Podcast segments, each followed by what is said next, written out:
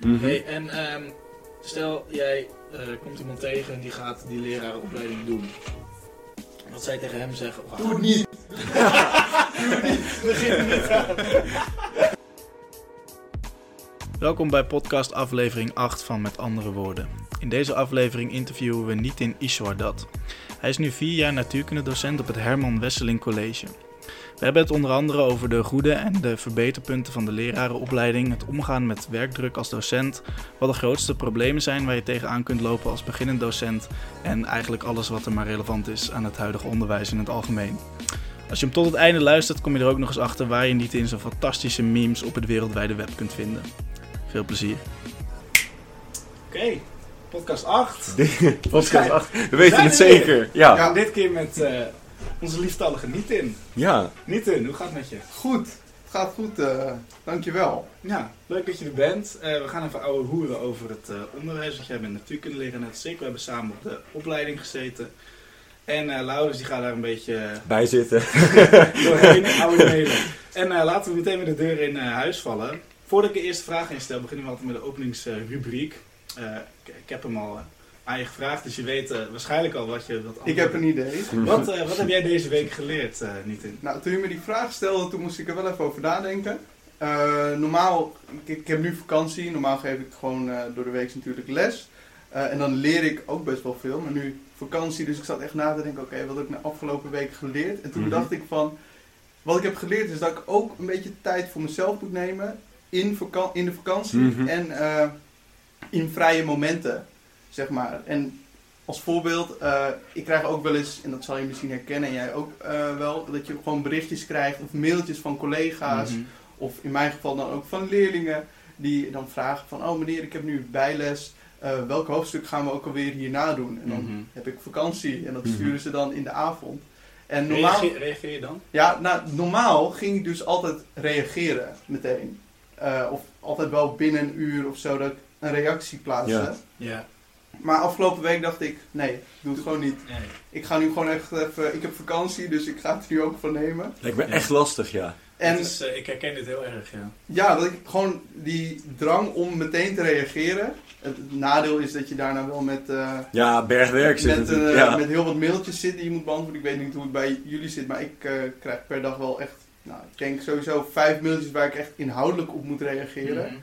Dus waar ik niet even een korte reply Ja, op dus Mhm. bij ons in de vakantie is het vrij rustig, maar verder ook wel, ja.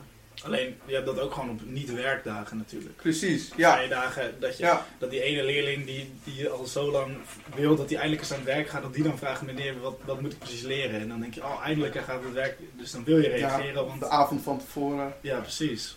Ja, voor de toets, Ja. zeg maar. Ja, dat voel je wel verantwoordelijk, lijkt me, denk ik. Ja, op zich wel, maar op een gegeven moment denk ik, nu heb ik dus wel een beetje geleerd om daar wat meer eh, rust in te vinden. Dus het niet meteen Ja. te doen, maar echt even op een moment wanneer het voor mij uitkomt. ik. Ik denk ook wel dat het het slimste is, want anders, het is een, een soort glijdende schaal, hè. Dus eh, Ja. bij Lars en ik heb het ook wel eens over met normale appjes beantwoorden. Kijk, eh, Lars die zei dat laatst, als, iemand, als ik binnen zoveel uur reageer, nou dat is best, zeg maar mensen verwachten dat niet zo 1, 2, 3. Dat ik heel snel reageer. ja. Ik heb dat zelf ook. Ik, ik ben niet altijd online. Ik reageer op de normale dingen, de onbelangrijke dingen, reageer ik niet zo snel. Als je dat altijd doet en reageert opeens twee dagen niet, wat bij mij echt super vaak voorkomt, dan denken mensen opeens, wat is er met hem aan de hand? Weet je, oh, gaat het wel goed? Ja. Zoals je die verwachting niet op, oplegt. En voor leerlingen ook. Als een leerling weet, oké, nou ja, als het in de, als de vakantie is, ik moet het even voor de vakantie vragen. Want in de vakantie eh, viert, hij ook vakantie.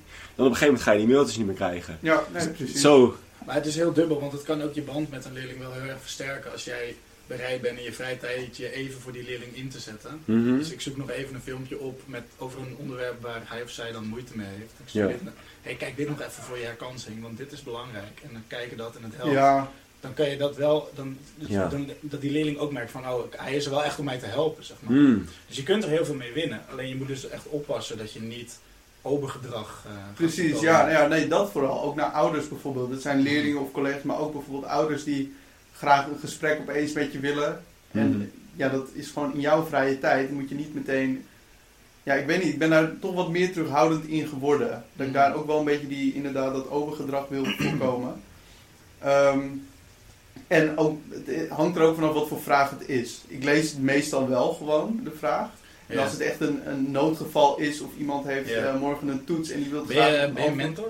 Ja, ook. Dus dat, want ik ben geen mentor zelf. Maar dat, ik kan me wel heel, voor, heel erg voorstellen dat het nog veel meer van dat soort dingen Ja. oplevert, zeg maar. ja, mentordingen, dat is echt, eh, dat is echt heel veel tijd kost dat. Want je bent toch een soort begeleider en slash probleemoplosser. Ja, en zeker op mijn school denk ik. Want bij mij op school, elke school werkt natuurlijk anders. Ik weet niet hoe ze het bij jou doen. Maar bij ons doen ze het wel echt zo van... eh, de mentor is eigenlijk de eerste persoon die ouders aanspreken. Nooit een vakdocent. Dus als een niet-mentorleerling van mij een probleem heeft met mij, eh, bij natuurkunde dus, dan, eh, dan gaat de mentor eerst gaat, gaan de ouders eerst contact opnemen met de mentor. En de mentor neemt dan weer contact met mij op. wat op zich wel goed is. Dat is best wel fijn, maar dan heb ik dus ook alle klachten die mijn mentorleerlingen hebben Ja. over bijvoorbeeld de wiskundedocent of over de Mhm. Fransdocent. Ja. Ja, die, eh, Mhm. die komen dan allemaal bij mij op mijn Ja. bordje. En dat, ja, dat vergt wel veel tijd. Ja, ja, dat kan me wel Vraagt wel voorstellen. veel... eh, Ja, centraliseren. Hey, ehm niet in wij hebben samen de lerarenopleiding gedaan. Eh, leraar natuurkunde tweede graad aan de Hogeschool van Amsterdam. Eh, wat, wat vind je van die opleiding? Eh, wat vind ik van die opleiding? Ja, ik vind hem, ik moet zeggen, voor mij was hij goed. Ehm, En dat, dat is heel kort door de bocht, hoor, maar als ik gewoon kijk naar wat goede, als ik het vergelijk ook met andere lerarenopleidingen, van eh, ehm, mensen die ik dan ook spreek en Mhm. zo, denk ik dat wij het op de opleiding niet heel slecht hadden. Mhm. Hoe het was geregeld, vooral het organisatorische. Mhm. Misschien herken je dat ook, dat vond ik zelf heel fijn. Ja, bij mij was dat een beetje een chaos, omdat ik dus een ander traject deed, zeg maar. Klopt. Dus dat kan ik moeilijk oordelen. Maar waarom was dat goed dan? Nou, als ik het zo hoor bij anderen, dan echt gewoon eh, gedoe met eh, beroepsopdrachten. Hè. We hadden op opleiding hadden wij beroepsopdrachten, een soort van pedagogiek-achtige opdrachtjes zijn dat. Ja. Ehm, nou, dat was bij andere lerarenopleidingen, was dat slechter geregeld. Ook de stages bijvoorbeeld die wij moesten lopen. Nou, Ja, dat was dat- inderdaad daar werd heel snel. niet ons handje bij vastgehouden, zeg maar. Nee. Maar je kreeg daar wel begeleiding in, vond ik, ik. ik weet nog dat ik de eerste week van de studie al direct stage moest lopen. Omdat wij dus dat eerste jaar soort van half oversloegen. En dat dat in principe in de vakantie al geregeld was, voordat mijn opleiding begon. Dus Ja. dat was echt heel netjes inderdaad, ja. Ja, dus overal gezien kan... Voor mij was het eh, ook qua druk en zo viel het wel mee. Mhm. Ik, het was niet dat ik, eh, dat ik echt in de stress schoot van oh jee, dat, ga ik niet, eh, dat gaat me niet Nee, lukken. jij zat altijd lekker te weerwolven tijdens ja, ik zat lekker eh, een beetje te klooien. Nee, nee, nee. Ik was een hele goede, Ja, dat serieus. hele ja. goede student. Maar een, een leraaropleiding, hoe moet ik dat precies voor me zien? Doe je dat eh, terwijl je al les geeft ook nog? Zeg maar dat er een soort stage bij Ja, komt dat is wel kijken? een goed punt, want dat vond ik altijd eh, raar eigenlijk. Dat je, want jij, als je het reguliere traject doet, dan begin je pas, als ik het goed heb, met echt lesgeven aan het einde van het eerste jaar, toch? Ehm, ja, nou ja, bij ons, in, je loopt eigenlijk 3,5 jaar stage, je laatste 3,5 jaar. En eh, van je eerst, in je eerste lesjaar, De opleiding duurt vier jaar, Ja, dus het eerste half precies, jaar... ja, heb het eerste half jaar loop je geen stage, maar ga je wel bijvoorbeeld op bezoek bij een school. Mhm.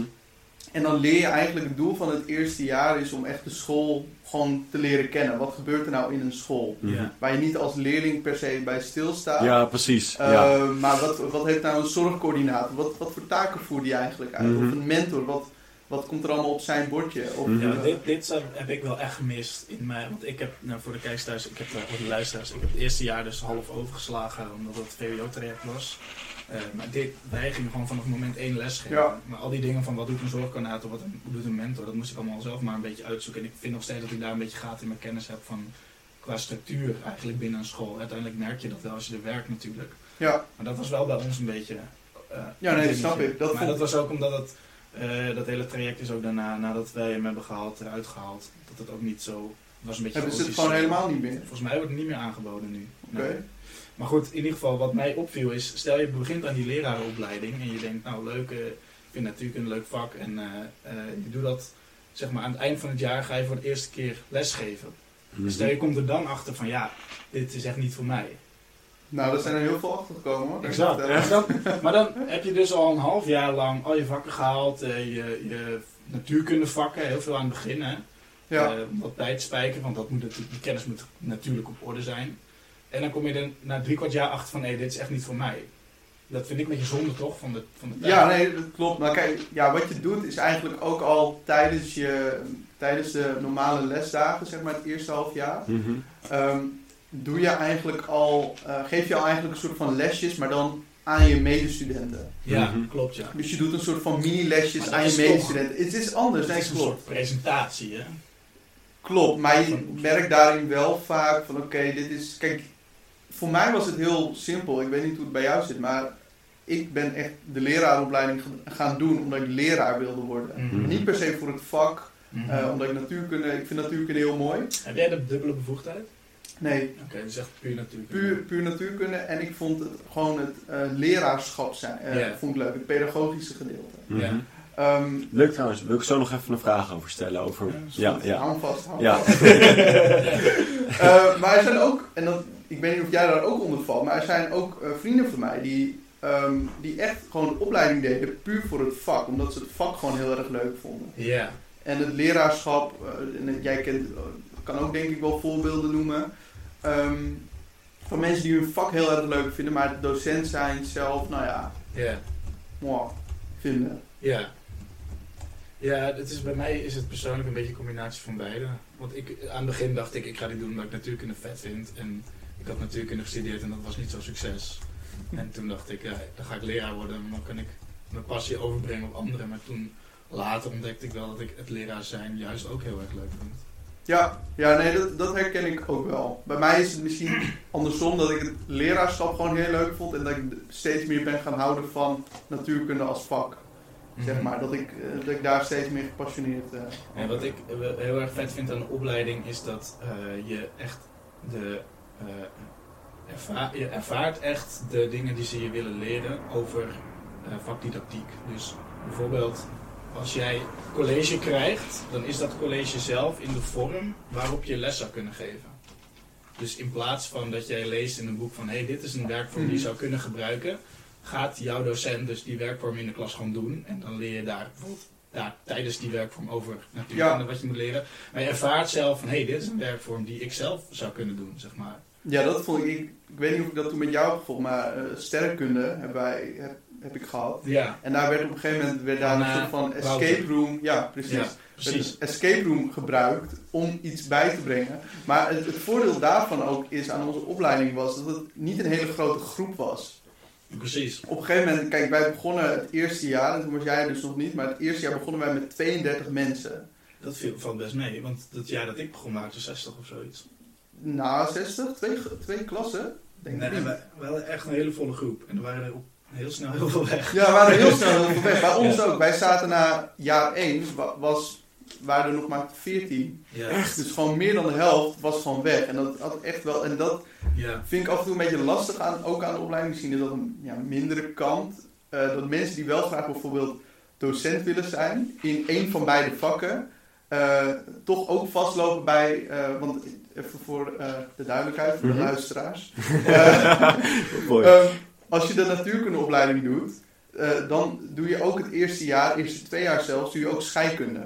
Ja. Dus je krijgt zowel natuurkundevakken als scheikunde. dat is bijzonder eigenlijk. Eh, en dat komt omdat er gewoon een hele grote overlap Ja. eh, zit tussen die twee. eh, Mhm. Ja, maar dat is ook wel terecht. Als je, weet, je, Mhm. krijgt ook, je mag ook NASC geven als je Ja. je bevoegdheid hebt. Dus je moet wel verstand van zaken Precies. Ja, nee, maar ik, ik vind het op zich ook logisch. Maar er waren bij ons ook wel gewoon mensen die eh scheikunde wilden worden, eh, scheikundedocent wilden worden. hebben. Ja. En die liepen dan helemaal vast bij de natuurkundevakken die, die we kregen. Ah, Ja. Of andersom, een jongen die eh, had in 6 VWO had hij had hij natuurkunde gehad, maar had geen scheikunde gehad. Dus bij de scheikundevakken liep hij totaal vast, omdat hij dat nooit had gehad. Terwijl hij de natuurkundevakken met allemaal achters ja. negens naar, eh, hoor. afsloot. Ja. En daardoor de opleiding niet Ja. kon afmaken. Hey, en Sure. wat, eh, wat vind, vind jij nou verder dingen waarvan je denkt, dit zou ik echt aanpassen als ik het woord zeg had bij, de, bij deze leraaropleiding? Of dingen die jij hebt ervaren die beter kunnen, zeg maar?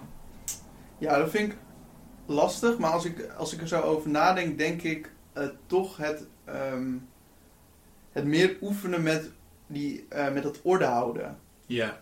dat, ik weet niet of jij dat herkent, maar iedereen die ik tot nu toe heb gesproken, ook ik heb stagiaires gehad, eh, ik heb het ook wel eens met vrienden van de opleiding erover gehad.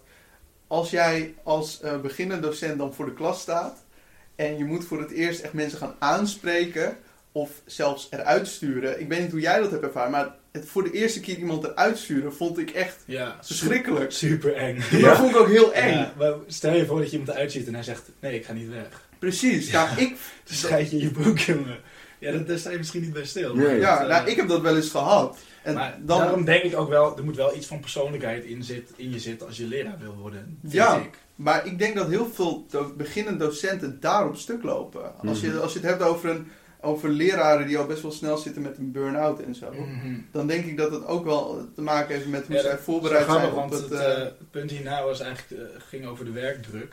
Waar ik het met je over hebben. Maar dat als jij zeg maar geen orde kan houden, of in ieder geval moeite hebt met een bepaalde klas, kan dat volgens mij heel veel stress opleveren, zeg maar. Dus dan zeg je, ja, de werkdruk is zo hoog. eh, maar dat misschien als je al jouw klassen lekker lopen, dat het eigenlijk hartstikke meevalt. ja, nee, herkenbaar. En ja. dat je dus door dat je eigenlijk gewoon heel erg opziet tegen een bepaalde klas en dat veel stress oplevert omdat het iedere keer niet goed gaat of zo. Dat dat echt inderdaad heel veel werkdruk op kan leveren. ja, precies. Plus, het is inderdaad ook een beetje als jij leraar, als jij iets wilt leren over lesgeven, van ja, laten we een keer dit uitproberen in de les, of ik wil een keer een nieuwe werkvorm doen, of ik ga mezelf een keer filmen en dan terugkijken hoe ik vragen stel aan leerlingen bijvoorbeeld. Dus alle kleine details wil je een keer behandelen, zeg maar. Ja, dat kun je niet doen als je geen orde hebt. Dan kun je niet beginnen. Je Nee, kunt überhaupt niet lesgeven als je geen orde hebt. Dus als je dat niet beheerst, dan kun je ook de rest niet oefenen, toch? nee dat is het ook. Het Ja. is echt het, het stukje...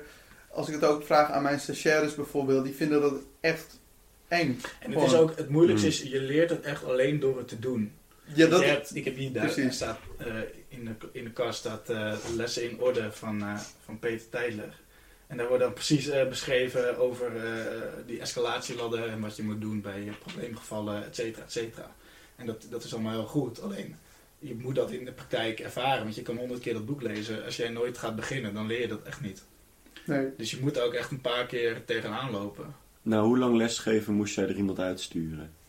Ik... eh, Zeg maar, was dat die eerste jaar? Of? Nee, dat was niet mijn eerste jaar. Want kijk, de eerste half jaar, of de eerste half jaar echt zeg maar, eh, dat je les geeft, dan geef je de- deellesjes Mhm. of niet een volledige les. Er zit altijd ook nog iemand achterin. Mhm. Ehm, dat was in mijn tweede jaar, werd dat wel wat minder. Dat vond ik ook fijn. Ik niet, ja, ik, Ja, ik zou ik ook echt het- verschrikkelijk ik, vinden. vervelend- ik vond het op een gegeven moment dat iemand de hele tijd achterin zat en Ja. een beetje zat mee te kijken en zo. Nu kan ik, er goed, kan ik het goed hebben, maar toen vond ik het echt eh zenuwslopend. En in mijn derde jaar, toen, eh, toen merkte ik wel dat het op een gegeven moment echt qua orde houdt. Want toen stond ik echt zelfstandig voor de klas. Ik had een stagebegeleider die niet altijd best, eh, of die niet altijd bij mijn lessen ook kon zijn. Nooit. Eh, nooit. Ehm, en ik merkte gewoon dat op een gegeven moment, ik had een hele goede band met die leerlingen. En ik- ze vonden me allemaal heel aardig, maar af en toe misschien een beetje te aardig. Waardoor ze Ja. gewoon Ja. gingen stuiteren en Ja. eh, ik het niet meer helemaal in de hand had. Mhm. En daardoor begon ik, en wat je net een beetje beschreef, dat je denkt van oh, het loopt niet met een bepaalde klas. Dat je er ook een beetje tegenop gaat kijken of zo. Mhm. Ja, exact. Tegen en een wat les. ik ook heb Mhm. gemerkt is dat de eerste week is zo belangrijk, zeg maar qua orde houden. Als dat je eerste week niet lukt, dus als je de eerste week niet onder controle hebt, om het daarna nog terug te pakken, is echt super moeilijk. Of zelfs als jij bijvoorbeeld een groep hebt en een paar jaar later, als je verder bent en meer ervaring bent, krijg je diezelfde groep weer. Dat je bij alle andere groepen lukt echt prima, maar bij die groep heb je weer Ja. problemen, omdat zij jou al kennen van twee jaar geleden. ja, en omdat je misschien zelf ook een drempel hebt. Daar, omdat je toch denkt van, oh, heb ik weer die groep? Ja, dat. Eh, hoe ga je dat aanpakken? Je prophecy hebt wordt misschien het veel meer, je bent zelf, veel zelfverzekerder misschien omdat je twee jaar verder bent, je hebt meer ervaring en bij alle andere klassen gaat het goed. Alleen zij kennen jou van, ja, wij weten wat we ongeveer kunnen flikken bij deze docent. Ja. Terwijl je nu een andere docent bent eigenlijk. En dat, dus het is heel moeilijk denk ik om de mening die de leerlingen over jou hebben na een aantal weken nog te veranderen, om dat te herpakken. Ja, nou ja, ik, ik merk vaak dat ze juist de eerste week best wel lief zijn en heel rustig. En dat ze je daarna gaan proberen te testen. Dus ik zou niet eens zeggen eerste week, ik zou misschien zeggen eerste maand. Dat je echt eh, heel strak, op je, ja, gewoon heel Wat zou de, de opleiding Mhm. kunnen doen om dat dan eh, te verbeteren? Ehm, ja, ik denk toch iets, een beetje een wisseling in die BO, op, eh, BO-structuur, hoe wij dat hadden, die beroepsopdrachten. We hadden dan van die lessen en dat waren beroepsopdrachten, werd dat genoemd. En dan ging Mhm. je per beroepsopdracht eigenlijk steeds een onderdeel Ja. eh, bekijken. Ging je in één onderdeel ging je kijken over differentiatie. Dus hoe ga je om met verschillen in de klas. Mhm. Ja. Bij een ander onderdeel ging je kijken naar ehm, hoe kan ik nou, ja precies, hoe kan ik een toets analyseren of hoe kan ik een goede lessenserie vormgeven. Mhm. Ehm, en toch een beetje dat stukje hoe je orde moet houden, dat ik misschien wel, ja, ik kan het me niet meer goed herinneren wat ik daar nou, dat het heel veel terugkwam. Ik zou dat misschien zelfs elk jaar gewoon ook desnoods een soort van intervisie met medestudenten, Ja. studenten onderling. Het is ook zo, ik denk dat dat, ik denk dat dat een van de moeilijkste dingen ook überhaupt is om te leren. Dat is niet voor niets dat natuurlijk de helft van de managers en eh, gewoon überhaupt leidinggevenden gewoon in de knoop eh, met zichzelf zitten en met Ja. hun team. Want het heeft ook echt Gewoon- met je karakter te maken. Ja. Ja. maar ook, bedoel, het heeft met zoveel factoren te maken hoe je bijvoorbeeld in welke fase van je leven je zit. Of welke, ja, en als leraar begin je dan inderdaad. Maar bijvoorbeeld stel je zou het op het bedrijfsleven plakken. Ben je misschien wel 50 voordat je je eerste team krijgt. Of 40 of 35. Ja. Ja, dan heb je, misschien zit je wel, heb je net kinderen en is iemand, eh, ben je daar mee bezig. Dus ik denk wel dat dat ook, ja, ik ben bijna bang dat je dat lastig kan leren, omdat het zo, situ- dat is ook een theorie vanuit mijn opleiding. Het is, eh, je hebt ook, zeg maar, je kunt een manager kun je beoordelen van hoe goed kun jij nou je team leiden. Dat moet je dan beoordelen aan, ehm, ja, hoe goed past hij in deze situatie? Hoe goed kan hij zich aanpassen aan dit, eh, dit, dit moment, zeg maar? Mhm. Want heel vaak, je kunt wel precies leren hoe je in de pas loopt en hoe je lineaal wijst dat alle leerlingen kijken en dat ze stil blijven. Ja. Maar als je dan een ander lokaal hebt en het werkt anders, dan, dan ben je ze kwijt, zeg maar. Ja. Dus ik denk, ik denk bijna, ehm daar zou echt een onderzoek naar moeten, eh, dat zal wel gedaan worden, maar van hoe kun je er nou voor zorgen dat leraren het leren zonder het op een boekje te zetten en dan... Ja, er zijn gewoon hulpmiddelen. Zoals wat ik net zeg van die theorie die je kunt lezen. Ja. Maar verder is het gewoon echt oefenen en dan onder begeleiding Ja. van, eh, van eh, andere docenten. Ja, gewoon het oefenen. Dat- Misschien het gewoon het Ik meer denk dat het- oefenen. Dat er gewoon heel veel ervaren docenten moeten jonge docenten hierin helpen. ja. Dat is echt het belang. Want die weten hoe het moet. ja, nou Ik soms, heb ook, daar soms ook- ook juist niet, maar soms Ja, nee, wel. precies. dat zit ik ook te denken. Maar daar, Van als hoe... ik zit te denken, hoe heb ik dit het beste geleerd? En bij mij zat het er aan het begin redelijk oké in. Dus ik had niet super veel problemen ermee. Nee. Ja, ik had het lineaal. maar als ik erover nadenk, het meeste heb ik geleerd gewoon van mijn laatste werkplekbegeleider, wat nu een collega van me is. Die gewoon, dat we gewoon iedere twee weken gingen zitten van hoe gaat het? En dat we gewoon een uur gingen gewoon praten over wat doe je in deze situatie, hoe doe jij dit in die situatie, Ja. et cetera. En dat je er af, af en toe ook gewoon motiverende woorden voor nodig hebt. Van hey, je hoeft niet, want aan het begin hebben heel veel docenten had ik ook dat je aardig gevonden wilt worden door je leerlingen. Maar er is een grens aan, want je moet op een gegeven moment moet je ook grenzen stellen van hé, dit is gedrag wat absoluut niet kan. En dan moet je ook gewoon boos worden. Maar je wilt niet boos worden, want je wil dat die leerling je aardig vindt. Nou, van hoe ga je daarmee om? Dan ook wel motiverende woorden nodig hebt van hé, het is helemaal oké als een leerling je haat.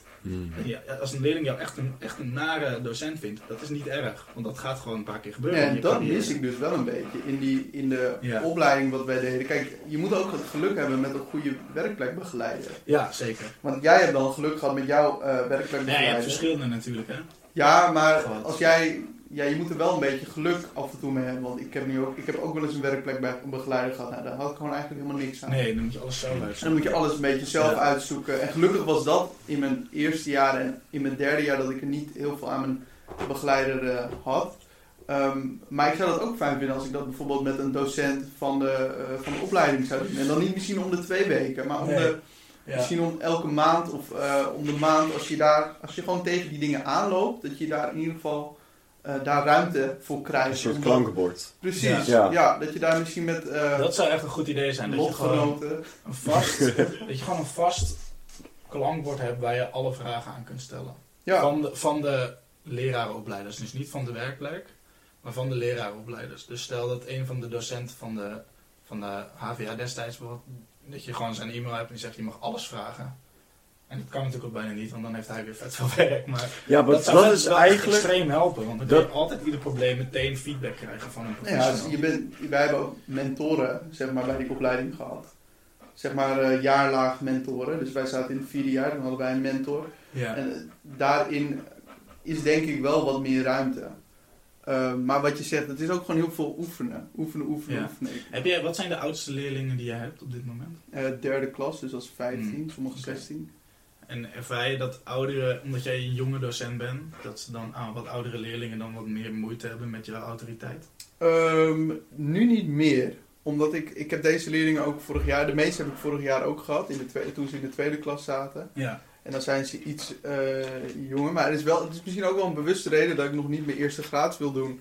Om straks bijvoorbeeld Ja. aan een 6 VWO les te geven. Terwijl ik nu 23 ben. Mhm. En dan geef ik straks eh, Ja, dat is leerlingen, echt lastig lijkt geef me. Ja, ik leerlingen les die ook. vijf jaar jonger zijn of eh, zes jaar jonger zijn dan ik. Toen ik stage liep in mijn tweede jaar was ik 22 en toen was er een leerling van 20 in die klas. Dat was een HAVO 4 of HAVO 5 klas. En die is een was- paar keer blijven zitten denk Ja. ik. Zo. Ja, zo. Ja, dat was ook, een- waren ook een beetje probleemgroepen. Eh, maar die was dus 20 jaar, of die werd 20 dat jaar. En ik was twee jaar ouder. Ja, dat is natuurlijk heel gek. Maar ook mensen die op het mbo les geven. Wij mogen Ja, in principe ook op het mbo les geven. Hoewel ik denk dat Zo. het toch wel anders is, omdat als je echt op MBO zit, dan heb je een opleiding gekozen en Ja, je nee, dat ondertussen waar. je naartoe gaat. dus Dat is waar. Dat zijn misschien anders. wel wat een andere mindset. Ja, maar dan krijg je wel andere problemen nog. Ik bedoel, er zijn genoeg verhalen van leerlingen en, eh, eh, leerlingen en leraren die met elkaar eh, een relatie willen of dat Ja, er toch dat- spanning ontstaat. Dat moet je niet hebben. Nee, en kijk, als je naar MBO gaat, nou dan til je er toch wel weer een stapje omhoog natuurlijk qua leeftijd. Ja. Precies. Dus ik denk wel, Nee, nee, nee. Ik ben, eh, ik ben heel blij dat ik... eh, kijk, mijn derde klas... Ik had daar vroeger misschien wat meer... Dat ik ook aardig gevonden wilde worden. Ja. En dat ik...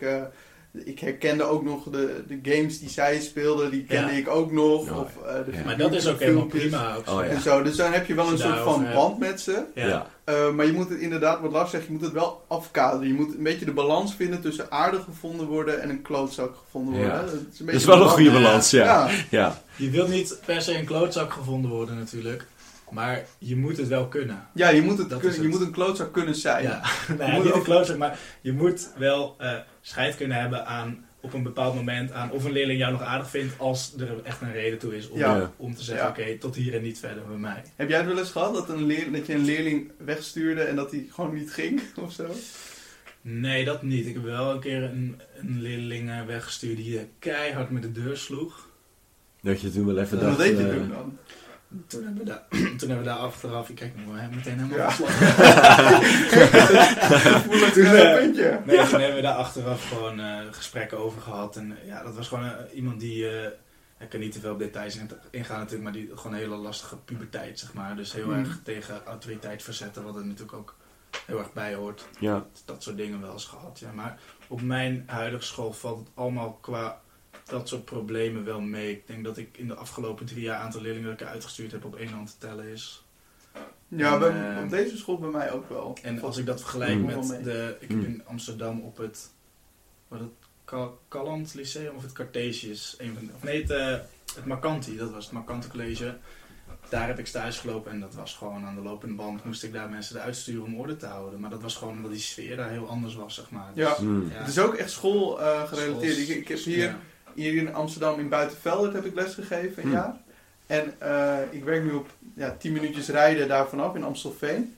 Op het Herman Wesseling College. En gewoon het verschil qua leerlingen is echt gigantisch. Ja. Waar ik op die school Ja. echt wel gewoon tegen dingen aanliep van oh shit, orde houden. En dat, Mhm. dat lukte gewoon op sommige momenten Ja. niet altijd. Gewoon leerlingen, ik heb het dus wel gehad dat een leerling gewoon niet weg wilde gaan. ja, heb ik ook wel eens gehad in mijn klas, zeg maar, als leerling. eh, Ja, nee, maar Ja. dat is echt lastig. Dat je gewoon zit van... eh, Maar het punt is, je kunt dan niet... Je kunt niet meer terug. Je kunt niet zeggen, oké, dan ga ik nou verder met mijn les. Want, er zit- Nee. want dan, dan ben je geloofwaardigheid kwijt.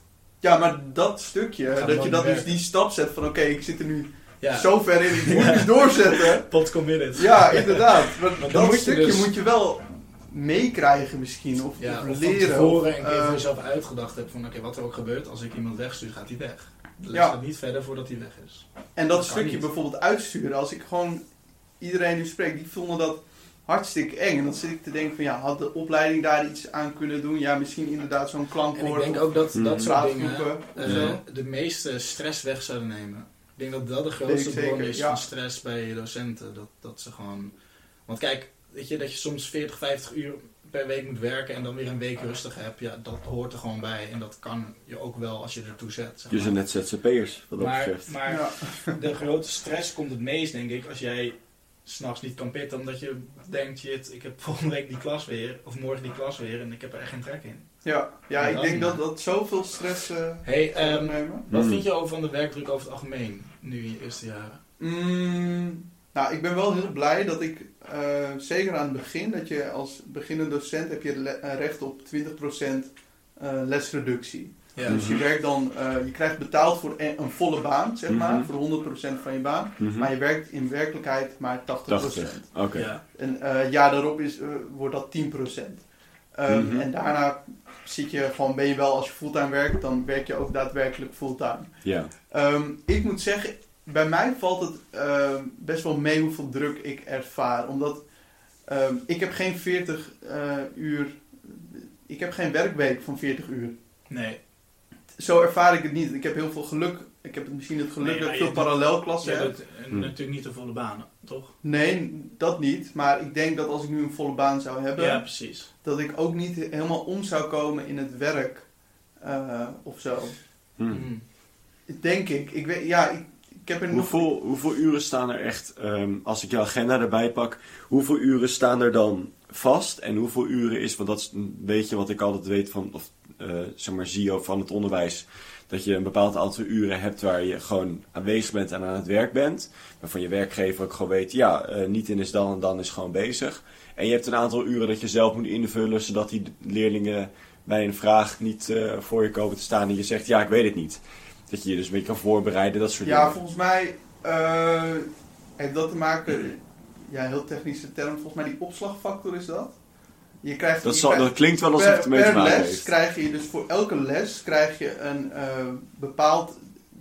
Kijk, de lesuren die ik geef, ik geef in totaal 13 lesuren Mhm. van 80 minuten. Oh, dat is... Oh, oké. bij Eh, 80 bij mij minuten bij zijn het jullie. 80 minuten lessen. Dat zijn wel, eh, Dat Ja. verschilt natuurlijk per school. per Ja, school. precies. Ehm, zo- maar als ik gewoon kijk hoeveel ik nu daadwerkelijk... Ik, het is niet dat ik van half negen tot vijf... eh, dat ik heel druk heb. Nee, precies. Maar ik doe bijvoorbeeld heel veel werk doe ik thuis. Als ik thuis ben, dan moet ik ook nog nakijken of ook nog lessen Maar voorbereiden. dat is het. Ja. eh, en kijk, dat je hebt krijg je in die nu opslagfactor. twee weken Ah. vakantie gehad en dan heb je gewoon echt vakantie vrij en eh, gewoon doorbetaald. Dus Heel dat bijzonder is dat Super relaxed. Ja. Maar ik heb over twee weken, omdat er nu met corona is er dus, de, ik heb ook nog een examenklas.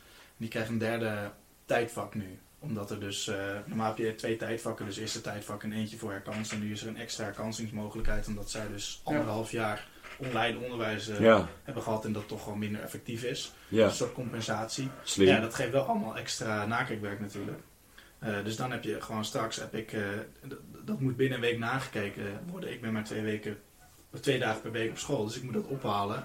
En ik moet dat eigenlijk diezelfde dag in de avond nog nakijken en dinsdag nakijken. En dan moet ik het woensdag weer inleveren, want dan reis ik terug en dan ben ik pas de week daarna weer. Dus dan moet je gewoon even in drie dagen, nou, 14 uur per dag werken. Ja. En dat is misschien nu in mijn situatie nog iets extremer dan normaal. Maar dat soort dingen hoort er wel bij van. Ik heb wel, als je als, eh, als docent bijvoorbeeld e- twee of meer examenklassen hebt. Dan kan ik me wel voorstellen dat je er gewoon een week hebt. Waarin je echt, echt super druk bent met nakijkwerk. En daarna heb je die klassen ook niet meer. Mhm. Dus dan heb je gewoon ineens weer Ja. uren die je wel betaald krijgt. Waarin je niet meer hoeft les te geven. Want die klas heeft al Maar is dit ook, is dit ook Dus bij iedere... enorm per week. Maar is dat bij iedere docent? Want ik kan me voorstellen dat je... Ja, ik had op mijn middelbare school docenten die, nou ja, inderdaad, die gingen aan het werk en die wilden eigenlijk binnen een paar dagen de toetsen nakijken. En eh, die stonden altijd stipt klaar, die reageerden vlug op een mail. En er waren docenten, ja, ja, ja. Misschien, misschien waren ze een keer op school. Hè? Misschien reden ze er een keer naartoe. Ze, ze, lieten hun hoofd een keer zien en dan gingen ze weer terug. En dan hoopte je maar dat ze ook nog een beetje werk thuis deden. En je kreeg geen hoogte van ze, ook niet hoeveel ze mee bezig waren. En na drie weken kreeg je cijfer, zeg maar. Ik, daar zat zo'n on- ontzettend groot verschil in, zeg maar, de motivatie van de leraar om het goed te krijgen voor hun leerlingen. Ik denk dat dat ook verschilt, dat de ene, ene docent misschien zelf heel hard zijn best doet. Ik hoop dat jij er eentje bent, zeg maar. maar dus ja, ik weet niet, ik weet, ervaar je dat ook, zeg maar, dat het bij jouw school dat het heel erg eh, verschilt? Of? Nou, bij ons hebben ze wel de regel dat je... Ze hebben wel dingen vastgezet. Mhm, Dus eh, je mag niet twee proefwerken op een dag hebben. mhm. Eh, en je moet binnen twee weken, moet je, in principe zou je je cijfer moeten hebben binnen twee weken. Twee weken, oh ja. En ja. eh, dan zijn bijvoorbeeld vakanties worden niet meegeteld. Nee, dit soort zo. dingen, hier gaat het beginnen, ja. Ehm, Hier maar, wordt de marge ehm, genomen. Maar gewoon de normale, als je gewoon normale lesweken hebt, dan is bij ons de standaard dat je binnen twee weken hebt nagekeken. Ik probeer er altijd binnen, binnen dezelfde week te doen. Mhm. Eh, maar dat is ook voor mij was dat echt wel even nu, omdat ik vorig jaar in één keer veel meer ben gaan werken dan daarvoor, Mhm. moest ik echt wennen aan het stuk nakijken. Want Mhm. ik, vind, ik weet niet hoe het bij jou zit, maar ik vind nakijken echt verschrikkelijk. Ik vind het helemaal niet leuk om na te kijken. Hmm.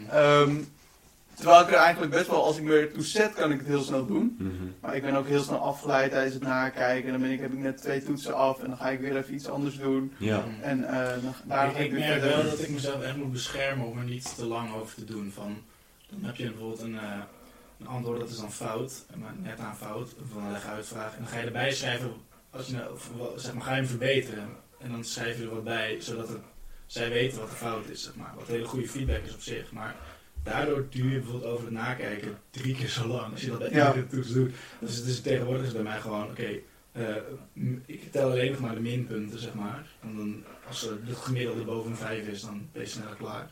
En dan is dat ook alles wat ik opzet. En dan moet ik mezelf ook echt aanhouden van, oké, die dingen erop schrijven, want je bent weer een uur bezig. Ik vertel Mhm. het ze wel in de les. Ja. Ehm, maar wat ik, eh, wat ik je wilde vragen, vind jij dat je genoeg tijd hebt naast je werk om je professioneel te ontwikkelen? Want dat is een van de dingen wat je ook moet leren in de opleiding, dat je dus, en een van de zeven basiscompetenties, dat je professionele ontwikkeling behoudt, ook na de opleiding. Dat je dus blijft kijken naar jezelf als docent van hoe kan ik me verbeteren en blijft lezen en nieuwe dingen uitproberen om je te verbeteren. Dat is ook de reden waarom natuurlijk het salaris door de jaren heen omhoog gaat. Een ervaren docent verdient gewoon veel meer dan een beginnende docent, omdat hij meer ervaring heeft. Ja, dan moet er wel wat aan vastzitten. Namelijk dat je dus ook echt wat leert in die jaren dat je Mhm. ervaring hebt doen. En ik heb best wel van, ja, ik zou best wel meer tijd willen besteden aan het lezen over onderwijs en nieuwe dingen proberen. Ja. Maar nieuwe dingen proberen kost vrij veel voorbereidingstijd.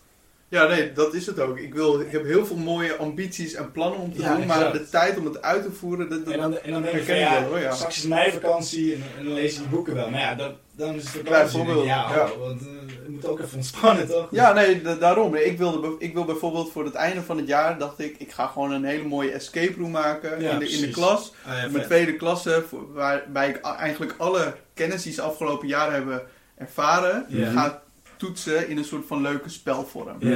Ehm, en dan kan ik dan ook, ik vind dat ook gewoon leuk om te doen, maar ja, Ja. Tijd, dat doe ik dan in mijn vakantie. En Ja. daar heb ik niet zoveel tijd voor tijdens mijn normale lesweken. Precies. Terwijl dat zijn wel de dingen, als je dat op Zeker. een gegeven moment onder de knie hebt en je kan het snel maken en je weet ook de theorie die erachter zit, achter die gamification bijvoorbeeld, wat natuurlijk goud zijn. Als jij dat in je kwaliteit hebt, ben je een betere docent. Maar je, moet dat, je gaat het alleen doen als je er de Ja. tijd voor hebt. Mhm. Ja, en ik moet wel zeggen, ik heb er ook wel, ik heb bijvoorbeeld ook zo'n keer zo'n webinar gevolgd, of eigenlijk was het een soort van cursus, maar het was eigenlijk een soort van college over een, eh, eh, over hoe je digitale escape rooms kan maken. Dus dan krijg je een beetje van die tools aangereikt en dan laat een beetje zien hoe dat werkt. Mhm. Zo, dus daar krijg je, dan, krijg je dan ook wel de ruimte voor. En ik moet zeggen, bij mij op school is dat, ja, gelukkig is die ruimte er wel. Ik ga bijvoorbeeld volgend jaar die opleiding doen, pedagogiek. Nou, dat Mhm. vind ik heel erg leuk. En dat doe ik ook echt bewust om me meer te verdiepen. Ja. Dus dat stukje verdieping, dat, dat wil ik ook echt ervaren. Ja, ik denk dat Hmm. als jij, want ik doe natuurlijk de eerste graad nu daarnaast, dus dan heb je wel vast momenten waarin je dus je ontwikkelt.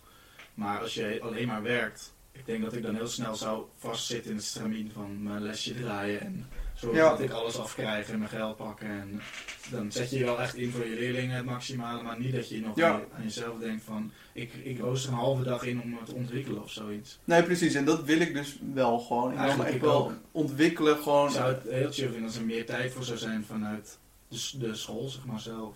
Ja, nou ja, we hebben laatst zo'n studiedag gehad. Mhm. Eh, dat wordt heel veel geld vanuit de overheid mogen scholen gebruiken om de achterstanden die leerlingen het afgelopen jaar hebben op- opgelopen. Mhm. Dat- Ja. En daar zit, echt, daar zit echt heel veel geld in. ja, klopt. Echt, eh, ja, ik- Maar dat wordt wel het meeste gericht aan de leerlingen natuurlijk. ja, klopt. Maar dan zit je wel na te denken, oké, hoe kan je dat het beste doen? Mhm. En dat stukje nadenken met collega's, die samenwerking daarin, dat vind ik ook heel erg leuk. Gewoon het stukje, eh, ja, dat, dat vind ik wel leuk, om, dat, eh, om er zoveel tijd eh, te doen. Ja, Maar precies. ik, dat ik is heb ook wel wat belangrijk. gezegd, in ieder geval. Ja. Hey, als je nou kijkt naar het onderwijs in het algemeen hè, in Nederland, wat zou je dan zeggen van nou dit is echt eh, waar wij de meeste winst op kunnen pakken als we dit verbeteren in de komende jaren? Wat, wat is daar belangrijk in? Zeg maar. Ik denk dat stukje ontwikkeling, gewoon kwaliteit van hoe, hoe ehm, ontwikkeling van de docenten. Ehm, Dus eigenlijk precies wat we net Ja, besproken eigenlijk wat we net hebben besproken. Ja, gewoon, nee, maar eigenlijk dat. Want ik denk dat je, als je gewoon, dat vaste stramien wat je net zegt, hè, ik denk dat heel veel docenten daarin zitten. Ja, ik, ik, ik, er is volgens mij ook wel eens onderzoek gedaan dat de docenten die zeg maar langer werken, uit- op een gegeven moment minder goed worden dan de docenten die net begonnen zijn en Ja. een paar jaar ervaring hebben en zich aan, heel hard aan het ontwikkelen Ja, maar ge- geef daar ook als Nederland zeg maar geld aan uit. En dat wordt nu gedaan dan bijvoorbeeld met die lerarenbeurs. Maar als ik dan, ik heb dan afgelopen april, heb ik meteen in de, midden in de nacht lerarenbeurs eh, aangevraagd. Ja. Ehm, maar dat, dat moet zo snel, omdat het anders gewoon, omdat er gewoon tekort is qua geld. Vorig jaar is dat spaarpotje is gewoon, eh, nou, is gewoon een heel groot deel daarvan is naar iets anders gegaan. Nou, wat weet ik niet uit Misschien mijn wel basisonderwijs. Ik, ik weet ook niet hoe dat precies nou, we- nou, ik weet het niet. Misschien wel. Maar die lerarenbeurs is niet alleen voor middelbare schooldocenten, lijkt mij. Die is ook gewoon voor überhaupt... eh, voor En, en dat is, dat is een soort extra vergoeding voor als je leraar bent. Je kan die beurs aanvragen en dan betalen ze in principe je studie. Ja, Voor je, dus dan kan je gewoon een nieuwe Maar studie... dat is alleen als je een master doet. Je kan niet je bachelor volgens mij Volgens mij wel. Volgens mij kan je ook een, eh, Oké. een bachelor kan je daar... Ja, eh, dat wist ik niet. Maar je krijgt, geen, je krijgt nog geen studiefinanciering meer als je die aanvraagt. Maar goed, nu gaan we echt... ja, dan gaan we... Ik heb geen idee. De details... Maar wat vind jij? Want ik vind eigenlijk eh, dat er heel weinig aandacht wordt besteed in het algemeen aan digitalisering. Want jij zegt net van, hé, hey, ja, mijn school hebben ze bijvoorbeeld een jarenplan van over vijf jaar willen we dat iedere docent minimaal dit en dit kan qua eisen op het gebied van digitaal Ja, geven. Ja. En eh, bij mij op school zijn er heel veel docenten die nog vinden, ja, geen telefoontjes in de les. En dat snap ik heel goed. Alleen ik heb zoiets van, ja, je gaat er niet aan ontkomen. Die dingen die zijn er nu en het is gewoon standaard. En zij moeten over, eh, zij gaan over twintig jaar banen doen die nu nog niet bestaan. ja, maar dat merk je nu toch ook in het afgelopen jaar. Als je kijkt naar wat ja, de coronacrisis eigenlijk heeft gedaan. Dat, Ja. dat mensen veel creatief... Ik ben veel, veel creatiever geworden in hoe ik mijn online lessen in ieder geval wil vormgeven. Maar het is toch heel gek dat er heel weinig aandacht wordt besteed aan zo'n belangrijke skill. Ja.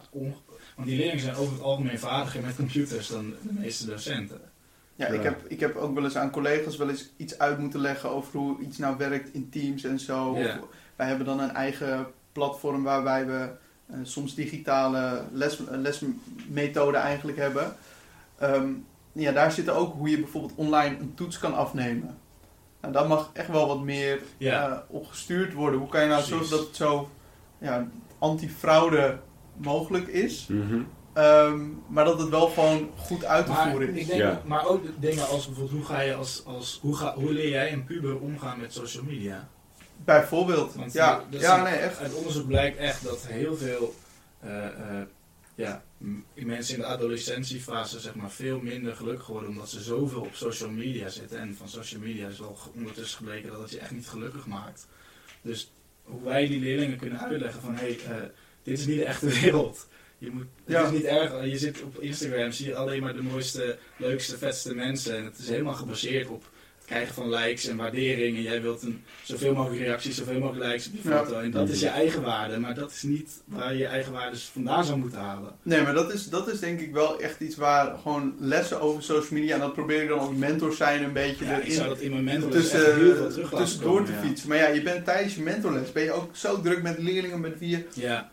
Ja. individuele gesprekjes moet Ja, hebben, met wie het niet helemaal goed gaat. Eh, ook thuis nu, heel veel leerlingen zitten gewoon thuis, die zijn door die hele coronacrisis juist heel erg eh, ja, anti, eh, ja, eigenlijk asociaal geworden. Mhm. Oké.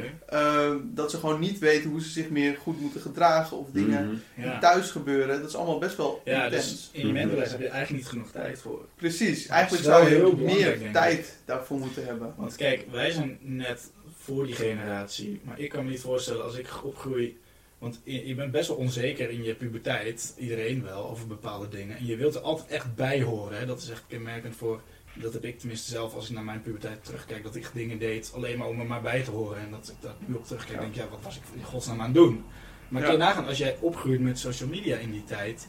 Dat je dus constant alleen maar op Instagram zit om er maar bij te horen. En je de rest van je leven helemaal achterlaat, zeg maar. Ja, maar dat, dat is echt het. eh, ik denk ook gewoon omgaan met eh, vervelende dingen die online worden gezegd. Ook, ja. Eh, en dat wordt gewoon echt gedaan. Ik dat- dat is ook zoveel nog- gedaan volgens Je mij. kunt op Instagram gewoon een anoniem gewoon Ja. alles zeggen wat je wilt. Ja. En dat kon voor social media niet. Als ik Laurens echt een klootzak vind dan kon ik hem alleen Ja, face-to-face. hij, jij hè. bent het trollaccount. En dan stel je een pest mij, weet je wel, Ja. want, eh, want dat doe je zo vaak. Ja. Eh, dan zou ik alleen face-to-face, daar- als ik jou wil, wil pakken, dat Ja. alleen face-to-face kunnen doen. Of ik moet Ja. eh, al een groepje opzetten om jou achter je rug om. Maar dat is Ja, nee. Nu kun je gewoon iemand helemaal via social media bedreigen en dan maak je een fake account aan en hey, kom naar je huis, dit en dat. Je weet niet wie het is. Snap Ja. je? Ja, echt de veiligheid. En dat is natuurlijk, zo, in ja. principe is dat strafbaar, maar als je minderjarig bent, is dat natuurlijk anders. Ja, en ja, je kunt, je kunt je zo wel uitfietsen. Ik bedoel, de helft van de dingen die strafbaar zijn, worden niet opgemerkt Ja, nu. Dat, inderdaad. Dus de- ja, maar ik denk eigenlijk als ik dit zo hoor, want ik, ik zit zelf niet in het onderwijs. Ik heb wel altijd lekker veel kritiek gehad natuurlijk op mijn eigen school. dat begrijp je wel. Ja, dat is standaard, toch? Dat hebben we ja, allemaal. maar ik heb steeds meer het gevoel, als je naar bedrijven kijkt die mensen aannemen, dan vragen ze om een opleiding van joh, kun je dingen? Als je dingen kan, dan mag je er komen werken. En dan kun je vervolgens tijdens dat werken kun je beter worden. Maar je moet dus je moet een bepaalde drempel over, je moet iets kunnen. En daarvoor ga je naar school. Ehm, en je gaat naar school voor de vormingen en allemaal dat soort tierenlantijn. Maar de grens die een bedrijf stelt van hé, hey, jij moet dit en dit kunnen, die vervaagt een beetje. Want bij, bij de ene functie heb je misschien meer iets van di- dit soort kwaliteiten nodig en dat soort kwaliteiten die je niet op school leert, maar juist in je eigen Mhm. ontwikkeling. Ja. Dus dat is wel een beetje de algemene consensus. Eh, school en zo wordt minder belangrijk vandaag de dag. Maar op school ehm, is er niet de tijd om dan de dingen ehm, te leren die dat dan kunnen invullen. Want een leerling moet dan dus wel de tijd hebben, en een leraar moet de tijd hebben om dat bij te brengen, om zich dus op een andere manier te ontwikkelen. Zo- zonder die hele, dat hele stramien van het onderwijs zoals het nu is. Dus ik denk dat dat, misschien moet er wel een deel gewoon geschrapt worden van de vastigheid. En gewoon gezegd worden, oké, bedoel, een dus deel van de tijd moet gewoon aan ontwikkeling. ontwikkelingskwaliteiten dan op vakken. Ja, en, en, niet, en niet dan zeggen van nou, dan doen we dat er wel bij. Want bedoel, dan krijg je met die eh, werkdruk wel echt problemen. Want dat, nee, dat denk ik wel Ja. dat jullie dat ook wel merken. Dat als jullie nu tien uur per week extra zouden moeten doen voor het ontwikkelen van je leerlingen. Wat ze wel echt nodig hebben, denk ik. tien uur per week.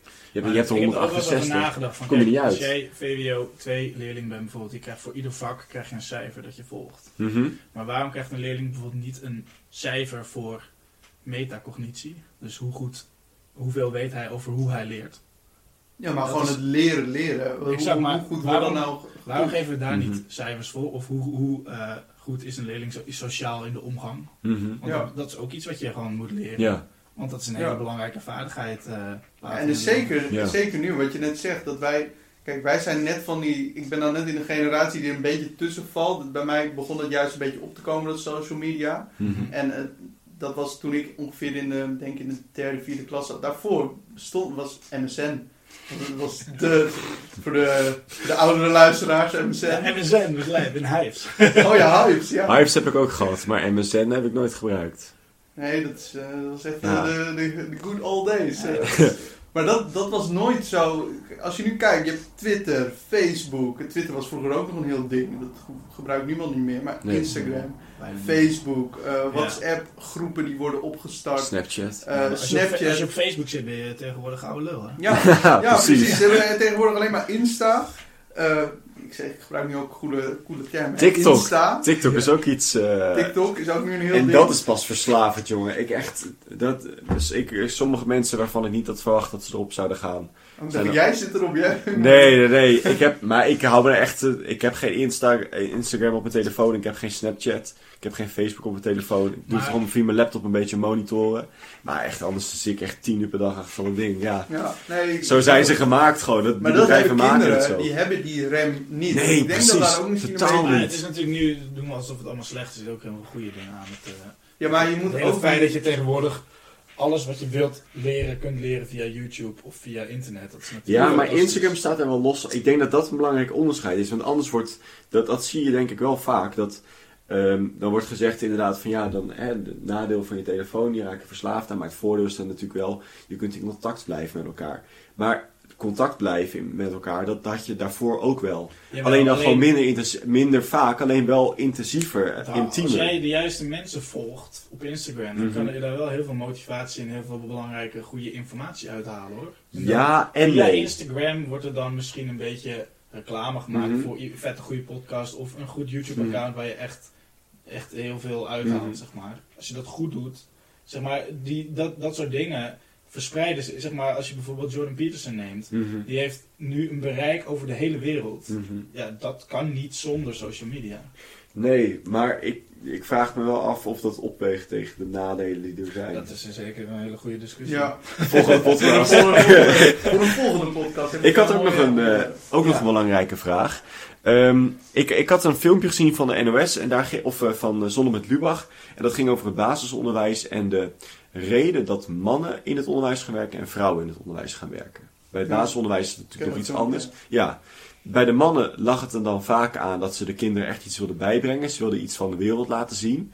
En bij de vrouwen was het dan eerder, ja, ze willen graag met kinderen werken. Ze vinden dat mooi. Dus eh, wat, wat natuurlijkere band, zeg maar, met die kinderen. Mhm. Heb jij ook zoiets gehad dat je dacht van ik wil eigenlijk, eh, ik zie dingen om me heen, ik wil eigenlijk dat ik kinderen heb aan wie ik die lessen kan leren? Of heb je eigenlijk gewoon gehad dat je het gewoon leuk vindt om met kinderen te kunnen werken, zeg maar? Ik denk een beetje van beide. Het hangt er ook Hmm. een beetje vanaf. Als, als ik een tweede klas eh, les geef, ehm, dan is dat, dat zijn heel andere leerlingen dan die ik in de derde heb. Terwijl Mhm. het mij een jaartje scheelt. Mhm. Ehm, als ik mijn Bizar, derde- ja. dat is echt bizar. Als ik gewoon kijk, ik, en dat geeft me af en toe ook wel een beetje een soort van, van rust, denk ik. Die afwisseling tussen leerlingen een beetje bij de hand houden, Ja, ja. bij, bij handje vasthouden. Oké, Ja. nu pak je je agenda erbij. Ja. En dan gaan we, ga je, dit is het huiswerk voor de volgende keer. Terwijl bij mijn VWO 3 dat niet hoef te doen. Mhm. Daar kan ik gewoon, eh, die pakken automatisch hun Ja. schrift. Ja, doen En het die hebben zelf al wel dan. meer die zelfstandigheid. En dat Maar die zelfstandigheid is natuurlijk Ja, een belangrijke vaardigheid. Ja, Maar ze krijgen alleen cijfers voor hoe goed ken jij je geschiedenis bijvoorbeeld. ja, nee, maar dat is, dat is toch zo. een beetje Ja. gek eigenlijk. Het is sowieso heel gek dat je leerlingen die. Ik heb heel veel leerlingen die bijvoorbeeld eh, voor hun Frans toetsen, zitten die gewoon het he- het hele weekend te blokken, omdat zij dyslectisch zijn en gewoon die woordjes gewoon niet goed Ja. eh, binnenkrijgen. En dat Ja. heeft dan ook weer invloed op mijn, op mijn vak. Ja, ze maken voor mij dan geen huiswerk, Nee. omdat ze dan. Het is zo resultaatgericht en dat Ja. proces daar naartoe, Ja. van hoe je leert, eh, wat je allemaal eh, doet. Ik denk dat we dat een beetje uit het oog soms verliezen. Mhm. En het moeilijke is, want ik hoor heel vaak, eh, dat is een hele hype nu, hè, van gewoon onderwijs zonder cijfers. Van, ga, want dat is te resultaatgericht. Dat doen ze in Finland, toch? Weet ik Maar in niet. de Scandinavische landen. Als er één klinkt- land is waarin ze dat doen, dan zouden ze het vast in Finland Ja, of Het klinkt, heel, Scandinavië. het klinkt heel goed. en ik snap het ook helemaal, hè, van het is te veel resultaatgericht. Maar je moet natuurlijk wel op een bepaalde manier zeggen, deze leerling doet het goed of niet. Dus dan uiteindelijk koppel je er altijd een eh, summatieve beoordeling aan. Ja, nee, dat, dat is waar. Maar als ik nu bijvoorbeeld... Ik heb ook bijvoorbeeld heel erg dat leerlingen die, eh, die op het VMBO zitten... Die voelen zich gewoon dom. En dat vind ik best wel erg. Dat, Ja. Oh ja. dat het, ja. moeder, het moedergedeelte wat eh soms met Ja. beschreven... Dat vind, vind dat heel Ja. erg. Ja, dat ik. Maar dat is ook heel vervelend. En, en leerlingen die, an- andersom ook leerlingen die op het VWO zitten... Die voelen zich soms... Sommige leerlingen voelen zich gewoon echt beter dan anderen. Ja. Je wil En- dat eigenlijk kunnen en dat- bijbrengen. en hoe zet je dat recht? Ja, dat zo is erg het van- alleen, jij kan beter gewoon theoretisch leren. Ja, maar dat zegt niet zijn- hoe goed jij eh, een, eh, een, iets kan, in elkaar kan timmeren. Ja. Of hoe, jij, hoe goed jij, eh, hoe Dus technisch onderlegd jij bent. Andere Ja. vaardigheden. En dat Ja, want- stukje, dat missen ze. Krijgen ze misschien ook vanuit de basisschool, of misschien vanuit huis. Of ze, ik denk Mhm. verschillende invloeden die daar een rol in spelen. Maar ook als wij het bijvoorbeeld over een laag opgeleide hebben, of over opstromen en afstromen. Gewoon het hele. Ja, laag Oh, die- opgeleide, die terminologie is eigenlijk... Ja, wel- gewoon die woorden, inderdaad. Ja, terminologie. dat wat is, moet je het anders noemen? Ja, Maar dat vraag. is wel een punt. Want stel je, als jij altijd Ja. een laag opgeleide wordt genoemd, is dat natuurlijk heel demotiverend voor jou. Ja, maar gewoon het laag, het, het stukje laag Ja, of het stukje afstromen. Dus dat je eigenlijk niet omhoog gaat, maar eigenlijk eh, naar beneden gaat. Ja. Dat stukje, die, ja, dat hoort denk ik een beetje bij dat, hoe wij tegen het onderwijs aankijken. Maar misschien ook wel tegen de maatschappij. Want ja, ik, ik, weet niet in hoeverre dat zo is, maar ik denk dat de meeste de mensen die aan de top van de maatschappij staan, dus dan heb je het over de belangrijkste politici, de belangrijkste directie, zeg maar. Want ja, je, je hebt natuurlijk de, praktische ondernemers die misschien veel geld hebben, ergens in de quote staan. Eh, en dan ja, eh, die zijn dan praktisch begonnen en misschien niet een goede opleiding. Maar die zullen misschien nog minder impact kunnen maken dan een, eh, ik noem even een eh, CEO van Rabobank of zo. Die gewoon met zijn vinger op de knop drukt en dan gebeurt er wat. Ik denk dat die mensen gewoon heel vaak een, een hele lastige opleiding hebben moeten volgen. Ik denk dat, dat het daar. Maar het is, het is echt lastig, want je noemt inderdaad praktisch opgeleid. Ik denk dat je het zelfs zo niet zou kunnen noemen. Want dat is inderdaad wel hoe ze het noemen nu tegenwoordig. Dat je, dat Volgens je mij wel, hè? Ja. toe gaat naar praktisch en theoretisch. Terwijl als ik nu ga kijken naar heel veel vrienden van mij die eh, MB MBO zijn gaan doen. Heel vaak zijn het nu tegenwoordig eh, niet meer zomaar metselaar of eh, timmerman of eh, gewoon hele praktische, inderdaad, praktische vakken. Je pakt gewoon een, een houten balk en je gaat elkaar uitleggen hoe zorg je ervoor dat als er iemand op je dak gaat staan dat het dak niet inzakt. Heel vaak is het nu inderdaad, je hebt het over vormgeving, je hebt het over ik wil secretaresse worden, ik wil eh baliejuf worden, allemaal dat soort dingen zeg maar. Dan denk ik, ja, is dat nou zo praktisch? Nee, er komt ook heel veel denkbaar Het werk bij kijken. de terminologie, daar zit gewoon een hele demotiverende factor in. Ja. Ja, ik denk dat we daar een beetje de plank in misslaan. Hey, en ehm, stel, jij eh, komt iemand tegen en die gaat die lerarenopleiding doen. Wat je tegen hem zeggen? Of Doe het niet! Begin er niet aan. Jack, om, eh, come back. Om, eh, om, eh, om te zorgen dat die persoon eh, de grootste kans van slagen heeft. Of in ieder geval het maximale. Ehm, laat, je niet, ehm, de- laat je niet demotiveren. Hou, hou het doel gewoon wat jij hebt als je eraan begint. Eh, hou dat voor ogen, maar wees er wel zeker van dat jij, of zo goed als zeker, helemaal zeker zal je waarschijnlijk Mhm. nooit zijn. Mhm. Maar hou, hou dat doel wel voor ogen waarom je het wil doen. Maar dan moet je dat wel echt zeker weten dat je het wil doen en Ja. waarom je het wil doen. Ja, ik zou het, als je twijfelt, zou ik het, ehm, ja, zou ik het je niet aanraden. Hm. Als je heel Omdat erg, als te je moeilijk heel erg, nou, omdat je ehm, tegen dingen aanloopt. En dat hangt er ook natuurlijk af van wat voor karakter je hebt en of je misschien groei je er wel in dat je juist het docentschap, ja, dat je daar verliefd op wordt. Mhm. Ehm, Mhm. Om het heel eh, romantisch eh, te romantiseren, zeg maar. Mhm. Ehm, maar het kan ook zijn dat je juist, ja, dat je juist heel erg afknapt en dan vergooi je eigenlijk een paar jaar. Ik zou dan bijvoorbeeld inderdaad Ja. een mailopdag doen of ehm, Denk je dat er sommige mensen te laat achterkomen dat het eigenlijk niets voor hun is? dat denk ik wel. En die blijven dan Ja. toch maar doen. Want je Omdat hebt ze al dan... drie jaar geïnvesteerd en Precies. dan gooi je dat allemaal Ja, weg. ik ben, ik ben, achteraf ben ik heel blij dat ik het heb gedaan, want ik vind, het, ik vind mijn Ja. vak gewoon heel leuk. Ik Ja. vind het gewoon leuk. Eh, ik, ik heb gewoon zin om maandag naar mijn werk te gaan. Mhm. Eh, om het zo te zeggen. Ja, precies. Het Dat is is niet dat ik denk van, oh, blij, zou het maar voor vakantie blijven en zo. Ik vind vakantie natuurlijk ook lekker. Ja. Mhm. Maar, ehm, ja, een paar dagen. Maar ehm, ik vind dat gewoon heel fijn dat ik wel gemotiveerd naar mijn werk ga. Ja. Eh, terwijl ik dat bij andere collega's, als ik gewoon bij collega's kijk of ik zie eh, medestudenten die misschien eh, nu nog bezig zijn of ehm, ja, dat, die blijven daar toch een beetje in vastzitten en die vinden het misschien toch niet zo, maar die zitten Mhm. er nu zo diep in dat ze wel, eh, dat ze wel door moeten eigenlijk. Ja. Het lijkt mij ook überhaupt een. Het, het, het klinkt voor mij altijd, als ik het over het onderwijs heb, als een beetje een ingewikkelde situatie. Mensen die gaan stage lopen, die doen er een extra opleiding bij, die moeten eerst leren voor het vak en daarna voor het. Hè, ik, nou ja, gewoon heel veel studies die ik en mijn vrienden doen. Bijvoorbeeld, eh, ik neem bedrijfskunde, internationale bedrijfskunde, econometrie. eh, volgens mij is bij psychologie is dat hetzelfde, Nederlands. Je doet gewoon drie jaar een bachelor. Doe je een jaartje of twee jaartje ma- eh, jaartjes een master en dan ben je gewoon klaar. Je hoeft niet halverwege eh, ergens in te stromen of zo. Maar lijkt dat ook wel iets waar mensen, wat gewoon mensen vervelend vinden. Eh, Ja, ik zelf, maar dat komt natuurlijk omdat ik heb er niet voor niets niet voor gekozen. Zeg En hoe maar. bedoel, maar hoe bedoel je dan ergens instromen? Nou ja, je moet dan op een gegeven moment moet je ook les gaan geven op een school terwijl je nog bezig bent. Of je, je loopt echt een, Ja. lijkt mij vrij intensieve stage als je gewoon les moet geven en je bent ondertussen aan het leren. Toch? Of, ja, maar er is ook niet een andere manier om het te doen, hè?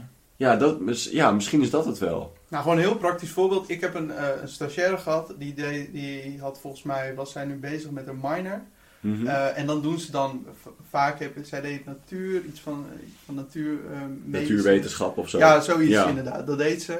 Ehm, en die besloot toen om dan een halfjaartje een, een tweede graads bevoegdheid te halen. Mhm. Want Ja. dat kan. In de educatieve minor. Ja, zo'n educatieve Ja. minor dat je... Dat eh, is echt prachtig bedacht, inderdaad, van eh, meer doc- docenten. Maar er zijn echt volgens mij heel weinig die in een half jaar kunnen leren wat wij in vier jaar leren. Ja, nou ja, dat, dat, stukje ervaring, dat heel, mist eh, zij wel. Want zij doet dus een half jaar wel heel intensief stage, eh, heeft zij gedaan. Mhm. Ehm, en uiteindelijk is het goed gekomen en zo. Mhm. Eh, maar ik ken ook gewoon genoeg voorbeelden, en die zal je misschien ook kennen van je, van je eigen middelbare schooltijd, docenten die je hebt gehad in de bovenbouw. waarvan je dacht, oké, diegene weet heel veel van zijn vak. Ja. Maar het lesgeven, Ja. dat stukje, Ja. dat mist. Mensen die van het bedrijfsleven teruggaan naar de school, zeg maar. We hadden een docent die had gewoon bij een verzekeringsmaatschappij gewerkt. Ja, bij een verzekeringsmaatschappij. Nou ja, en eh, was een hele aardige man. Maar daar was ook echt wel alles mee gezegd aan het begin. echt waar. Hij is echt beter geworden, want aan het, la- op het laatst, ik, ik, had, eh, ik had geen les meer van hem. En toen, dat je hem gewoon in de gang ziet lopen, zeg maar, dan kon je opeens makkelijk een praatje maken. En in de les was dat altijd wat lastiger. Maar eh, aan het begin was het gewoon voor hem, het was zo'n ontzettend grote shock.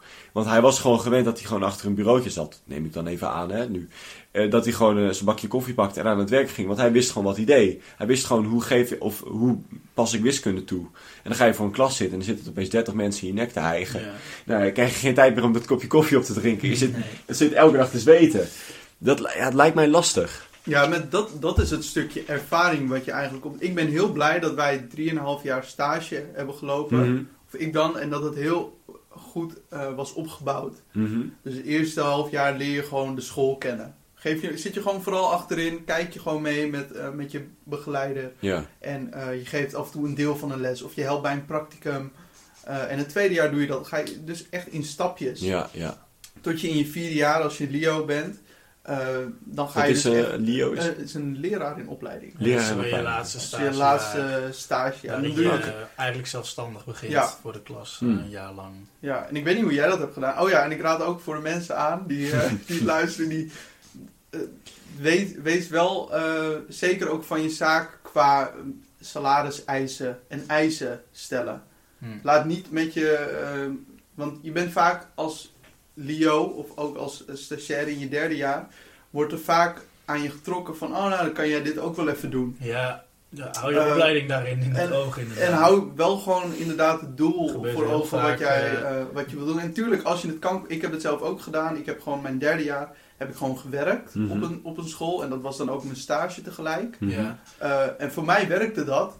Ehm, maar dat kwam ook wel omdat ik eh, mijn andere vakken goed bijhield verder. Ja. Maar ik kan ook genoeg voorbeelden Ja, die dat bij wie Dat niet je achter gaat lopen op het werk, omdat Ja. je nu een baan hebt en er eisen aangesteld eh, kunnen worden. Wat ik Ja, ook nog wel lastig. mee zou willen geven als je die opleiding gaat doen, is vraag zoveel mogelijk aan de, de docent op de lerarenopleiding. Want als ik nu om me heen kijk in mijn school, zeg maar, hoe goed andere docenten zijn, en daar kun je natuurlijk heel veel inspiratie uithalen. Maar die docenten op de lerarenopleiding, dat zijn ten eerste, het zijn jouw vakdocenten natuurlijk, allemaal natuurkundedocenten, zijn ook wel echt, echt goede docenten. ja, Dus ik heb achteraf, denk ik, ik had echt zoveel nog aan hun willen vragen en dingen die ik wil weten van, hey, hoe doe jij deze werkvorm? Of hoe ga je om met zo'n situatie? En dat zijn de, de professionals die dat echt goed weten allemaal. En achteraf denk ik, ja, ik had veel meer, nu heb ik vet veel vragen die ik toen niet had, die ik eigenlijk aan hun zou willen stellen. Mhm. ja, ja, een beetje dat klankbord. Misschien Ja, het klankbord idee wat we... hey, nog één laatste ding voordat we hem afsluiten, want we zitten ongeveer op een uur nu. Eh, jij bent als natuurlijk een docent ook actief op Instagram. Klopt. Kun je daar wat over vertellen waarom dat is en hoe Nou, dat is ontstaan? eh, Het is een mooie, eh, ja, mooie hoek. nee, het is niet dat je me overvalt, maar ehm, even kijken ja, hoe dat is ontstaan. Oh ja, in de, toen ik in mijn derde leerjaar zat, ik werkte toen in Purmerend en ik woon ook in Purmerend. ja. Ehm, en als mensen dan mijn voornaam wisten, niet, Ja. dat is niet een heel veel voorkomende voornaam. Exact. Dus als ze dat gingen intypen op Insta, Ja. op Instagram, de gram, Insta. De gram, ja. op de gram, dan kwamen ze al heel ja, snel mijn de privéaccount. Ze kwamen heel snel mijn privéaccount Ja. en dan gingen ze volgverzoeken sturen en dat wilde ik niet. Met foto's van mojito's, Waarom maar wel ja. Nou, ik, ik wil wel dat stukje privé, Hmm. ik wil gewoon mijn, ik wil wel dingen privé houden. Op onze school mocht het niet. Was gewoon Oké. eh, en ik, ja, ik vind dat, ik weet gewoon dat leerlingen, en dat deden wij, deed ik misschien zelf ook, ik was niet een heel brave leerling altijd op mijn, in mijn eigen middelbare schooltijd. Ja. Gewoon foto's gebruiken van docenten en dan een beetje zo Memes editen, maken, ja. en zo. Gewoon, eh, dat hou je toch. dat hou je toch, maar ik wilde dan wel, kijk, wat ik op mijn Je wilt het niet heb, uitlokken. wil ik niet, eh, sommige foto's ja, vind ik gewoon leuk om met vrienden te Maar delen. toen Ja, heb je ja. dus meneer natuurkunde heb ik een docentaccount aangemaakt. En is dat ook, eh, zeg maar, heb je daar ook nog pedagogische of interpersoonlijke gedachten achter? Van hé, dit kan ik gebruiken om een band met leerlingen een Ehm, beetje op te wekken of zo? Nou, of dat is gewoon echt voor plezier? Nou, ik vond het wel gewoon, ik vond het ook gewoon leuk, want ik postte dan, ik weet dat er ook Ja, ik docenten volg zijn die... Jij post heel veel memes. eh, ik postte dingen heel veel memes, ik moet het eh, weer even oppakken. Vanuit het oogpunt van de leerling. Ik ga even toch? kijken. Ja, Ja, moet je maar even opzoeken. Hij Laura. post Dus allemaal memes vanuit het oogpunt van de leerling. Dus dan, Ja. Dus eh, dat, ja, ik Ja, vond van dat heel leuk om te doen. Ja. Eh, ik moet het weer even oppakken, want ik heb het heel lang gewoon niks mee gedaan. Maar ik krijg ook bijvoorbeeld gewoon berichten van leerlingen die ik helemaal niet ken. Gewoon van andere scholen ook. Instagram account. Ja, gewoon vragen van, oh meneer, kan u me helpen met deze vraag? Ja, dat kun je, En vaak heb ik er niet zoveel zin in of Nee. tijd voor. dat kun je ook niet doen. Ehm, Je moet gewoon tikkies nee. maken. Gewoon een link Nee, in de bio. vijf, euro- vijf euro Vragen. per vraag. Precies. Ja. Ja, dat zou zomaar kunnen. Ehm, Ik wil je wel helpen. nee, maar dat, ik krijg af en toe ook wel eens gewoon of, verzoekjes van andere docenten die ook een docent hebben van, oh wat leuk dat je dat hebt. En eh, Hmm. Wat grappig. Leuk. Dus het is ook een soort van netwerken misschien. Ja. Eh, maar ook leerlingen af en toe. Ja. Ik, ik had ook wel eens dat leerlingen dan, in plaats van, en dat toen leerlingen wisten in, aan het begin niet echt hoe mail werkte. Zouden dat ze een, een vraag hadden over, over een toets of zo. Of ik had een polletje in mijn, eh, in mijn story gezet op Instagram. Eh, dat konden ze me dingen vragen. Bijvoorbeeld over de toets. Ja. Of zo. Dus dat vond ik vanuit het interpersoonlijk en pedagogisch gedeelte vond ik dat wel leuk, maar nogmaals wel met grenzen. Dus niet. eh, Ja. Nou ja, maar ik had een docent op LinkedIn en eh, op een gegeven moment op mijn school, ik had best wel prima cijfers, zeg maar. Ik stond volgens mij 7, zoveel gemiddeld gewoon eh, voor de meeste vakken. En daardoor heel veel vakken, we hadden op een gegeven moment zo'n kaart. Als je dan best wel prima cijfers stond en je kon gewoon zelf je broek ophouden, dan mocht je ook in de mediatheek gaan werken. Nou, dus op een gegeven moment werd van die kaart een beetje misbruik gemaakt. is natuurlijk ook niet zo heel gek. En op een gegeven moment toen bleef bij- ons wel het verlangen om gewoon niet naar de les te hoeven komen als, het- als wij er niets van opsteken. Zeker als je gewoon met een, eh, een vast maatje, zeg maar, eh, eh, dan zelf ook wat kunt doen, zeg maar. Bijvoorbeeld, ik, ik schreef dan nieuwstukjes voor een bedrijf. En op een gegeven moment, ik had gewoon een docent en het was bijna niet meer, zeg maar, wij wilden gewoon steeds niet komen. Want wij waren dat gewend. Maar hoe ga je dat regelen bij een docent? Nou ja, op een gegeven moment hadden wij een beetje vertrouwensrelatie met die, met die docent. Maar je kunt niet steeds een mailtje gaan tikken, weet je wel. Je zijn magistermail kwam het dan binnen. Dat is niet, eh niet al- is trouwens ook voor de toezichthouders ook niet heel handig als je dat in zijn mailbox vraagt. Van, joh, hoef ik niet te komen? Nee, hoeft niet. Dus ik had hem op LinkedIn. En dat werkt al eh verdraaid Ja, goed. ja. maar. Ik zou dat toch niet... eh, doen? ja, nee, ik, ik, hou, dat- ik vind dat altijd wel, eh, ik hou dat altijd wel een beetje op afzet. Dus het is die natuurlijk... balans, het maar ik snap je, je moet daar een grens in zoeken. Het is even kijken hoe je daarmee omgaat. Ja. wel leuk dat je dat eh, account hebt. Goed, we zitten... eh, Mag ik oh, nog een shout-out doen anders naar eh, mijn account? Oh, je shout-out. Ja, Oh, natuurlijk. even, Het is, Hij komt maar ook ik in de- Je hebt wel 578 volgers al. Dat is echt veel. Kan, ik ik bij volg jou, niemand terug, hè? Wel, oh ja, nee, ja. Ik volg helemaal niemand. kan ik Nee, voor jou voor een lekker flesje wijn een advertentie plaatsen? Nee, dat, eh dat doe ik niet hoor, Laurens. nee, dat- ja. Meneer Natuurkunde. Dat is een... Yes. Ja, ik zal, ik zal in de beschrijving van de podcast zetten. voor de afsluiting, eh, dat weet jij misschien niet, maar aan het einde van de, van, de, eh, van de podcast hadden wij bedacht als rubriek dat we elkaar nog een woord gingen leren. Ja, want we heten tenslotte met andere woorden. Ik bedoel, Eh, ik heb dat wederom eh, niet heel goed voorbereid. maar je laat de eer wederom aan mij. Heb jij eh, nog een leuk woordje voor de luisteraars? En dan, Ja, ik heb, ik heb weer een woord dat je in de praktijk best goed kunt gebruiken. Want dat vind ik toch wel een beetje een vuistregel worden voor mezelf. En dat is het woord kenschetsen. wow. En dat is toch eigenlijk een beetje een hele dure variant van het woord schetsen. En je schetst een situatie, eh, je schetst iets, je schetst een beeld voor iemand. Eh, volgens mij las ik op internet dat het ook dezelfde betekenis heeft als het woord afschilderen. Je schildert iets af. Eh, niet met een kwast natuurlijk, maar dan in de figuurlijke zin. En eh, ja, ik denk dat dat een woord is dat als iedereen dat even onthoudt, dat hij dat wel eens tijdens een sollicitatiegesprek bijvoorbeeld, hè, dat je... kunt gooien. Dat je toch, ja, dat je even kan. Oh, deze man weet wel waar hij over praat, zeg maar. Dat is wel. Ja, nee, ik denk wel dat het vaak zo werkt. Dat je toch je even een eh, extra sausje erbovenop kan doen. Ja, Dat het wel waardevol kan zijn. helemaal goed. Ja, en natuurlijk als je gewoon een goede baan wil, dan moet je natuurlijk ook kennis van zaken hebben. Dus dan kun je net zo goed met meneer Natuurkunde even volgen. Ja, zeker. Zeker. Nou, dat was het denk ik wel eens een beetje voor vandaag. Oké, nou, tot... eh, Oh nee, wacht, ik moet nog één ding zeggen. Eh, Oeh. Natuurlijk like, subscribe, alles. Oh ja.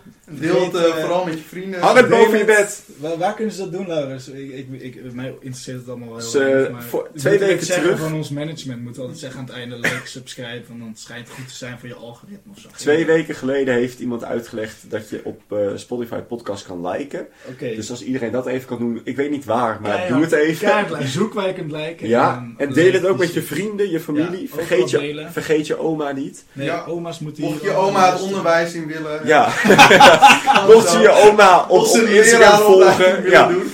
Oké, goed. Dat was hem, jongens. ja, dat was hem eh, over en uit. Het was heel leuk dat je er was. Ja, Ik inderdaad. vond het hartstikke gezellig. Dankjewel nog. Doei doei. Yo.